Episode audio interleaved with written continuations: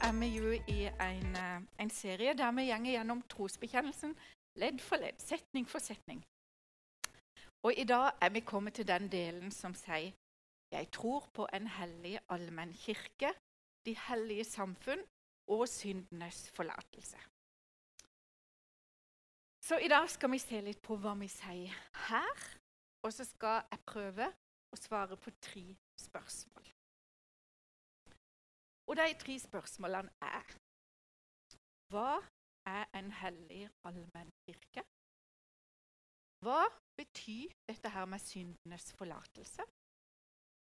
Og på hvilken måte kan vi være kirke eller menighet i dag? Da begynner vi med det første. Hva er en hellig allmenn kirke? Da skal vi begynne i et bibelvers fra 1. Peters brev 2,9. Men dere er en utvalgt slekt, et kongelig presteskap, et hellig folk, et folk som Gud har vunnet for at dere skal forkynne Hans storverk. Han som kalte dere fra mørket og inn i sitt underfulle lys. Eh, det er flere bilder det er flere bilder i Bibelen på hva en kirke eller menighet er. Altså Når jeg sier kirkemenighet, så mener jeg det samme. Vi som har valgt å tro på Jesus, vi er ei gruppe folk som Bibelen kaller bl.a. for Kristi kropp, Guds familie eller Guds folk, som det står her i dette verset. Um, av og til så tenker jeg at det nesten er litt sånn risikofylt og litt rart at Gud på et vis har gjort seg avhengig av oss kristne her på jorda. Jeg er fullt klar over at Gud til enhver tid har makt til å gjøre hva han vil, helt uavhengig av oss. Men samtidig så har han liksom organisert det sånn at vi er hans folk. Vi er hans representanter, hans ambassadører her på jorda så er vi kalt sammen i tru og i kjærlighet av Den hellige ånd. Med alle våre ulikheter og alle våre talenter. Og så er Jesus prosjektlederen for det hele. Eller hvis vi holder oss til det bibelske kroppsbildet, så er Jesus hodet, og vi er kroppsdelene. Og så er vi avhengige av hverandre og skal til sammen fungere som en hel, sunn Den hellige ånd blir hos oss helt til Jesus kommer igjen. Det har han lovt. Og fellesskapet med Gud og hverandre i menigheten skal verne og beskytte styrke og velsigne oss. Men så Gud, bruker Gud oss òg til å forkynne Hans storverk, som det står i, som det står i bibelverset. Forkynne Hans storverk for andre. For Gud han er fortsatt ikke ferdig med å samle inn sitt folk. Han er fortsatt ikke ferdig med å gi syndenes forlatelse. Men vi er altså utvalgt, vi er annerledes, vi er utkalt. Et folk midt iblant jordas alle andre folk, som har fått i oppgave å fortelle at det finnes en vei ut av mørket og ondskap, ut av lidelser og tap, ut av sorg og død. Og vi er kalt til å i ord og i handling fortelle om Jesus, det underfulle lyset, som kom for å redde alt som er ødelagt og fortapt. Og så er ikke det å fortelle til andre om Jesus en sånn spesialoppgave for de spesielt hellige iblant oss. For alle sammen så har vi noe i oss som er fortapt og ødelagt. Så dette gjelder faktisk oss alle. Og det å fortelle er heller ikke en sånn spesialoppgave for kirkelige ansatte. Det viktigste vi som ansatte skal gjøre, det er faktisk å legge til rette for at vi alle sammen finner vår plass som et hellig presteskap. Kan hende det er ikke helt vendølsk å gå rundt og kalle seg et hellig presteskap. Eller kongelig presteskap. Men det er jo faktisk Gud, kongen sjøl, som vil ha oss vanlige folk med på å samle inn flere til sin familie. Og så spør han om vi kan tenke oss å bruke de gave og talenter som han har gitt oss, gitt til hver og en av oss, og dele de gode nyhetene, dele evangeliet med de han sender i vår vei. Fortelle at det finnes håp. Fortelle at det finnes en vei ut av mørket og inn i lyset.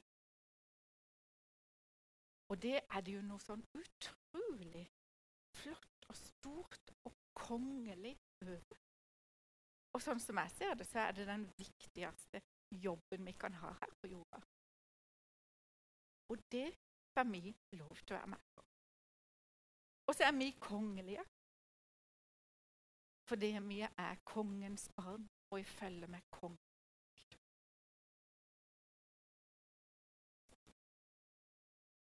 Men hva betyr det da når vi sier at vi tror på syndenes forlatelse? Og går inn på neste. Vi kristne vi tror at Gud han er skaperen bak alt, og at han skapte en perfekt verden. Og så tror jeg vi stadig minnes på åssen ting burde vært. Men at vi ser at både vi og verden har kommet ganske galt. Vi har roda oss litt sånn inn i mørket. Vi velger ofte å sette oss sjøl først. Vi ønsker ofte sjøl å være i sentrum. Og i virkeligheten så er det vel egentlig sånn at vi ønsker å være Gud i eget Det var den synda som djevelen lærte oss mennesker. Han planta inn i hodet en tvil om hva Gud har sagt. En tro på at vi kan legge i vei på egen hånd som om vi har skapt oss sjøl. Er vår egen herre. At vi tror vi kan finne en form for lykke for oss sjøl utenfor Gud, vekke fra Han. Og fra det håpløse prosjekt så har det kommet mye inn i menneskets liv. Griskhet, forvirring, fattigdom, krig, sult, slaveri, maktmisbruk. Og det er egentlig den lange og forferdelige historien om mennesker som prøver å finne noe annet enn Gud som gjør oss lykkelige. Vår frie vilje har ført og fører oss ofte i gal retning. Og så kan en jo egentlig lure på hvorfor Gud ga oss denne herre frie viljen. Jeg tror det er fordi at eh, fri vilje, selv om man òg gjør dette onde mulig, òg er det eneste som muliggjør kjærlighet og godhet. Det ville vært liten vits å skape en verden fylt av viljeløse roboter. Den lykke som Gud har tenkt for oss, det er den lykken å være fri, å være frivillig bonden med Han og hverandre i en kjærlighet som er så sterk at ingen andre relasjoner her på jorda kan mette den. Når vi gjenger mot Guds vilje, når vi argumenterer mot Han, så argumenterer vi mot den makt som i det hele tatt gjorde oss i stand til å tenke sjøl. Det er egentlig som å putte av greiner som vi sier. På den ene sida så vet vi på mange måter hva Guds vilje er, og åssen ting burde være. Og på den andre sida så er det liksom noe inni oss. Det glipper hele tida, og vi tror stadig at den herre største lykken er å finnes et annet sted. Eller vi trekkes mot et eller annet i verden som vi tror her er den optimale lykken. Og alt dette vet Gud. Og i sin kjærlighet så sendte han så Jesus. Og i trosbekjennelsen, som vi var innom, så bekjenner vi at vi tror at Jesus kom for å lide og dø. På en eller annen måte gjør forholdet til Gud godt igjen og gi oss en ny start. Jesu død reiser oss opp igjen etter alle de gangene vi har sagt over greina vi sitter på. Jesu død vasker vekk alle konsekvenser av våre dumme valg. Det vi har gjort, og det vi kommer til å gjøre. Så ser du ikke teksten opp på veggen her. Martin Luther, Jeg prøver meg på Martin Luther i dag. Det er jo noe gammelmodig sagt, men vi skal gå gjennom skritt for skritt her. Eller linje for linje, iallfall. Du kan se om de klarer å følge meg her. Vi tror at vi har syndenes forlatelse i denne kristne menighet. Syndenes forlatelse blir gitt ved de hellige sakramenter og ved avløsningen, og dertil ved alle de trøstefulle ord i hele evangeliet. Her hører det da hjemme, altså i menigheten. Alt det som skal forkynnes om sakramentene, ja, hele evangeliet og alle tjenesteoppdrag i kristenhet. Alt dette må nødvendigvis være i gang hele tiden uten stans. For skjønt Guds nåde er vunnet ved Kristus, og i hellighet er virket av Den hellige ånd ved Guds ord i den kristne kirkes samfunn, er vi likevel aldri uten synd på grunn av vårt kjød, som vi alltid har å stri. Derfor er alt i kristenheten innrettet på at vi hver dag skal få tilgivelse for synd ved ord og tegn, slik at vår samvittighet kan bli trøstet og opplivet så lenge vi lever i verden. Selv om vi har synd, sørger Den hellige ånd for at den ikke skal skade oss. For vi er jo i kristenhet, og der er det full tilgivelse for synd. Gud tilgir oss, og vi tilgir hverandre, bærer over med hverandre og hjelper hverandre. Jeg har lest denne her noen ganger, eh, og jo mer jeg leser den, jo mer ser jeg oi, her er det mye gull. Men Martin Luther han knytter rett og slett syndenes forlatelse tett til livet i menigheten. For det at i menigheten så deler vi evangeliet.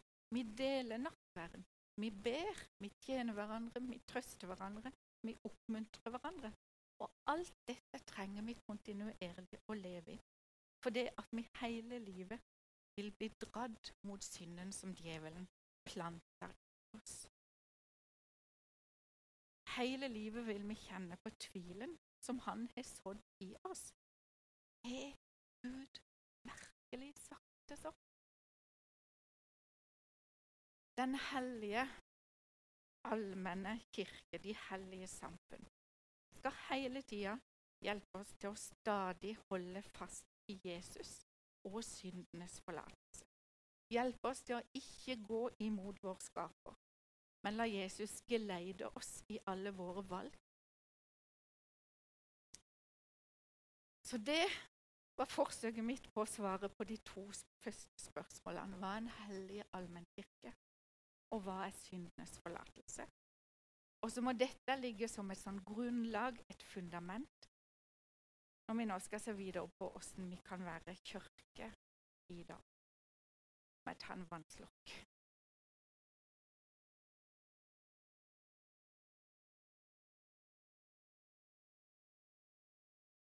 en. Det er litt sånn rart å drikke vann, og så ser alle på. Litt sånn OK. Prøvde å svelge litt stille. Men på hvilken måte kan vi være kirke i dag? Da jeg fikk de neste bibelversene, som du sikkert kan sette opp, Børge, kan de egentlig bare stå der, så tenkte jeg at dette må være litt feil. Og så var det visst egentlig det, iallfall det første verset. Men da jeg satte meg ned og skulle jobbe med den teksten, så ble det verset ganske sentralt. Så da skal vi lese fra Johannes 13, 30-35. Men Judas selv reiste seg rett opp og gikk straks ut. Det var nå blitt natt.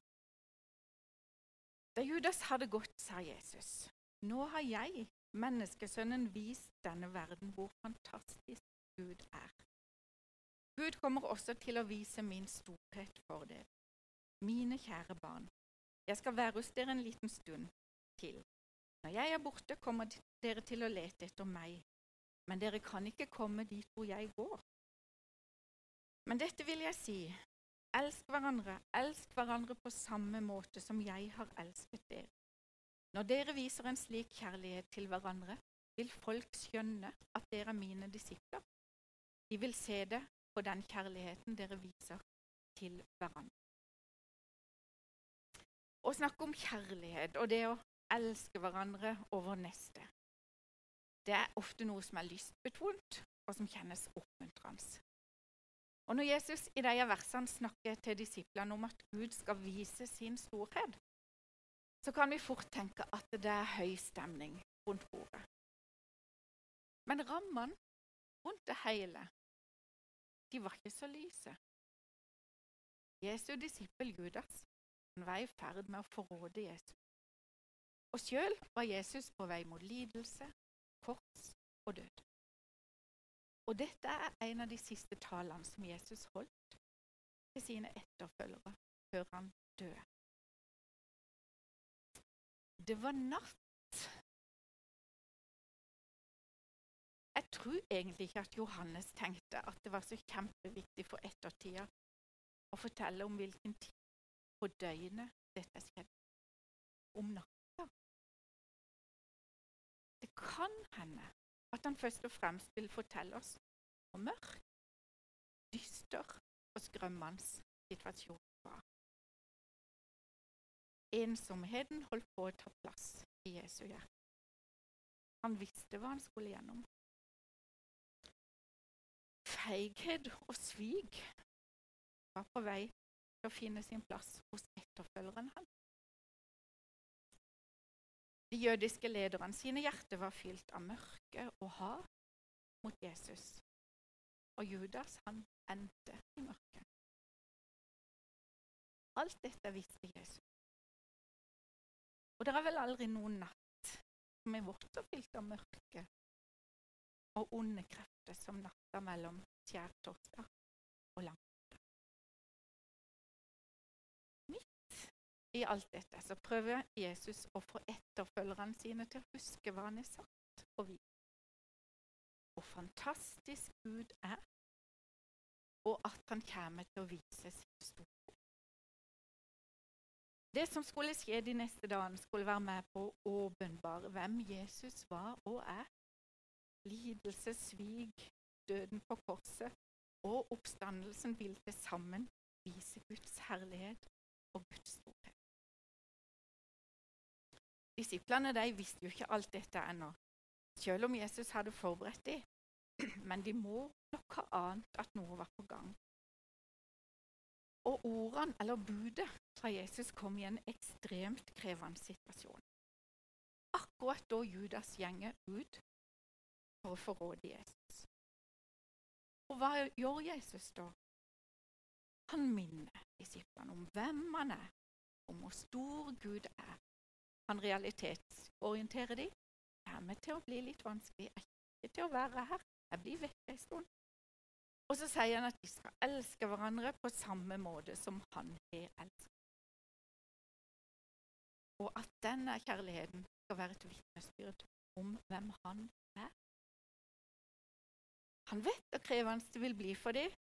Han vet hvor lett det kan bli for dem å bli motløse, gi opp, miste fokus. Løsninga hans er å si 'elsk hverandre'. Vi kan stoppe litt her. Jeg satt just på ferja til Sverige, eh, og så overhørte jeg en samtale mellom tre eldre mennesker. Ja, etter koronaen så har bare det ene etter det andre dukka opp, sa de. Det virker som om det aldri tar slutt. Ja, vi lever i noen vanskelige tider, sa de her gamle folka. Mange tenker nok det. At det er litt vanskelig tider. Det er litt mørkt. En forskningsrapport som heter 'Status of Global Christianity' i 2023 viser at 2,6 milliarder av verdens totalt 8 milliarder mennesker er å regnes som kristne. Kristendommen er i vekst rundt omkring, spesielt i Afrika og Asia. Men i Vesten og i Norge går det motsatt vei. Antall mennesker som sier de tror på Jesus, har sunket de senere årene.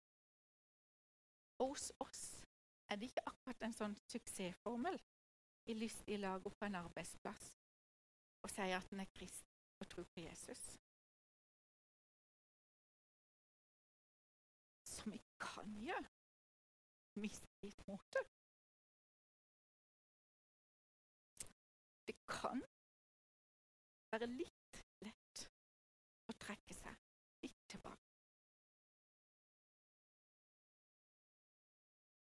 Men hva viser Jesus oss? I mørke tid. Hvor stor Gud er.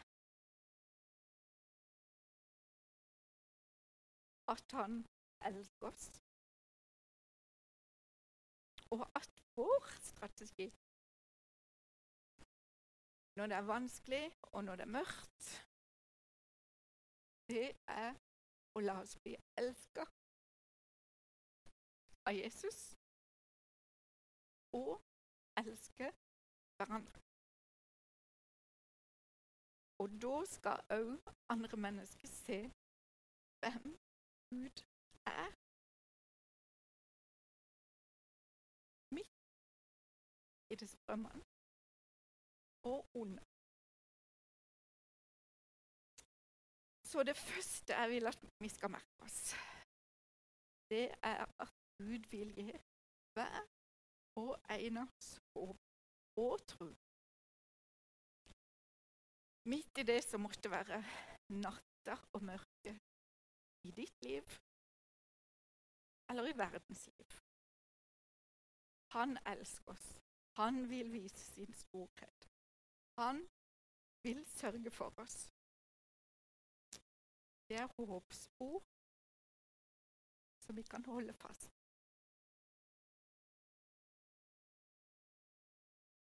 Det andre jeg vil stoppe opp med, er forholdet til andre mennesker. I Apostlenes gjerninger 2 så kan vi lese om de første kristne som holdt trofast på læren, nattverden, fellesskap og bønnene. Altså dette som også Martin Luther guida oss innom. De delte på det meste, de ga ut til de som trengte det, i hjertelig glede. Og det står at de var godt likt av hele folket, og at stadig nye ble frelst. Og hva var deres strategi? Handla ikke det om det som Jesus hadde sagt? Elske Gud, elske og tjene hverandre og mennesker rundt deg. Vårt varemerke som kristne og måten vi skal være menighet på i dag, det må være vår kjærlighet til hverandre. Det viktigste er at vi elsker hverandre på tross av uenighet og forskjeller. Da vil andre forstå hvem Og det er jo utrolig konkret. Og det gjelder, tror jeg, både mellom oss internt, men også i forhold til andre kristne trosretninger rundt oss. Jeg tror det ofte går ganske greit for oss å være uenige i form og stil, hva en skal prioritere og ikke. Det er jo i mange tilfeller både berikende og lærer. Vi kan ha enhet selv om vi ikke er enige i alle detaljer. Men av og til så kan det gå dypere, kanskje spesielt i teologisk krevende spørsmål, eller når noe angår oss treffer sårbare punkter. Hvordan skal vi da elske hverandre? Jesus han har sagt at vi skal gjøre det, og da vil de andre forstå hvem Gud er, når vi viser kjærlighet til hverandre. Og så er det jo ganske lett når vanskelige situasjoner oppstår, at vi snakker om hverandre istedenfor med hverandre. Og så blir vi tause og trekker oss vekk fra hverandre fordi ting er så vanskelig. Jesus han kaller oss som enkeltmennesker, som menighet, til å tale og handle i kjærlighet midt i den verden vi lever i.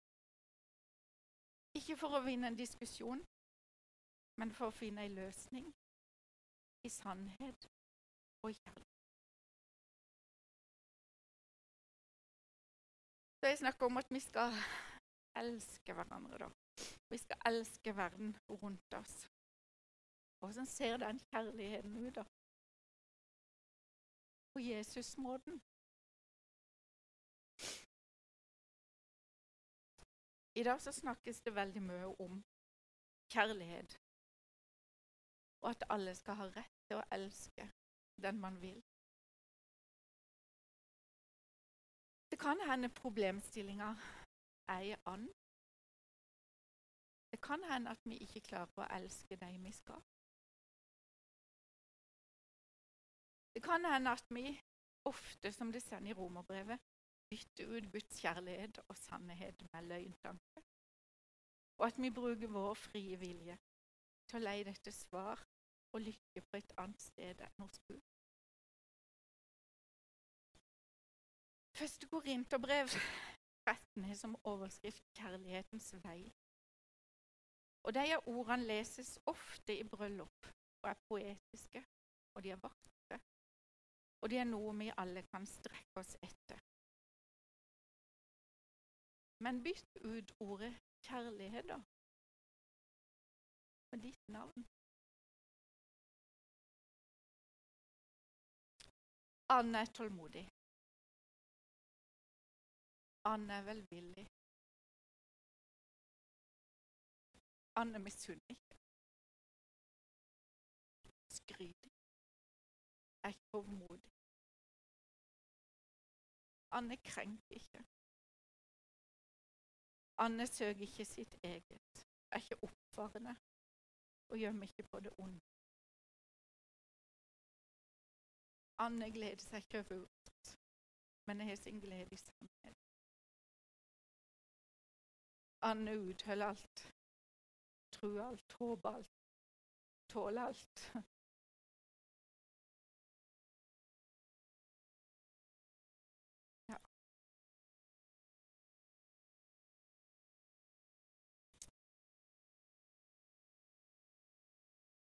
Gud, vår skaper, elsker oss mennesker på en måte. Ingen av oss klarer.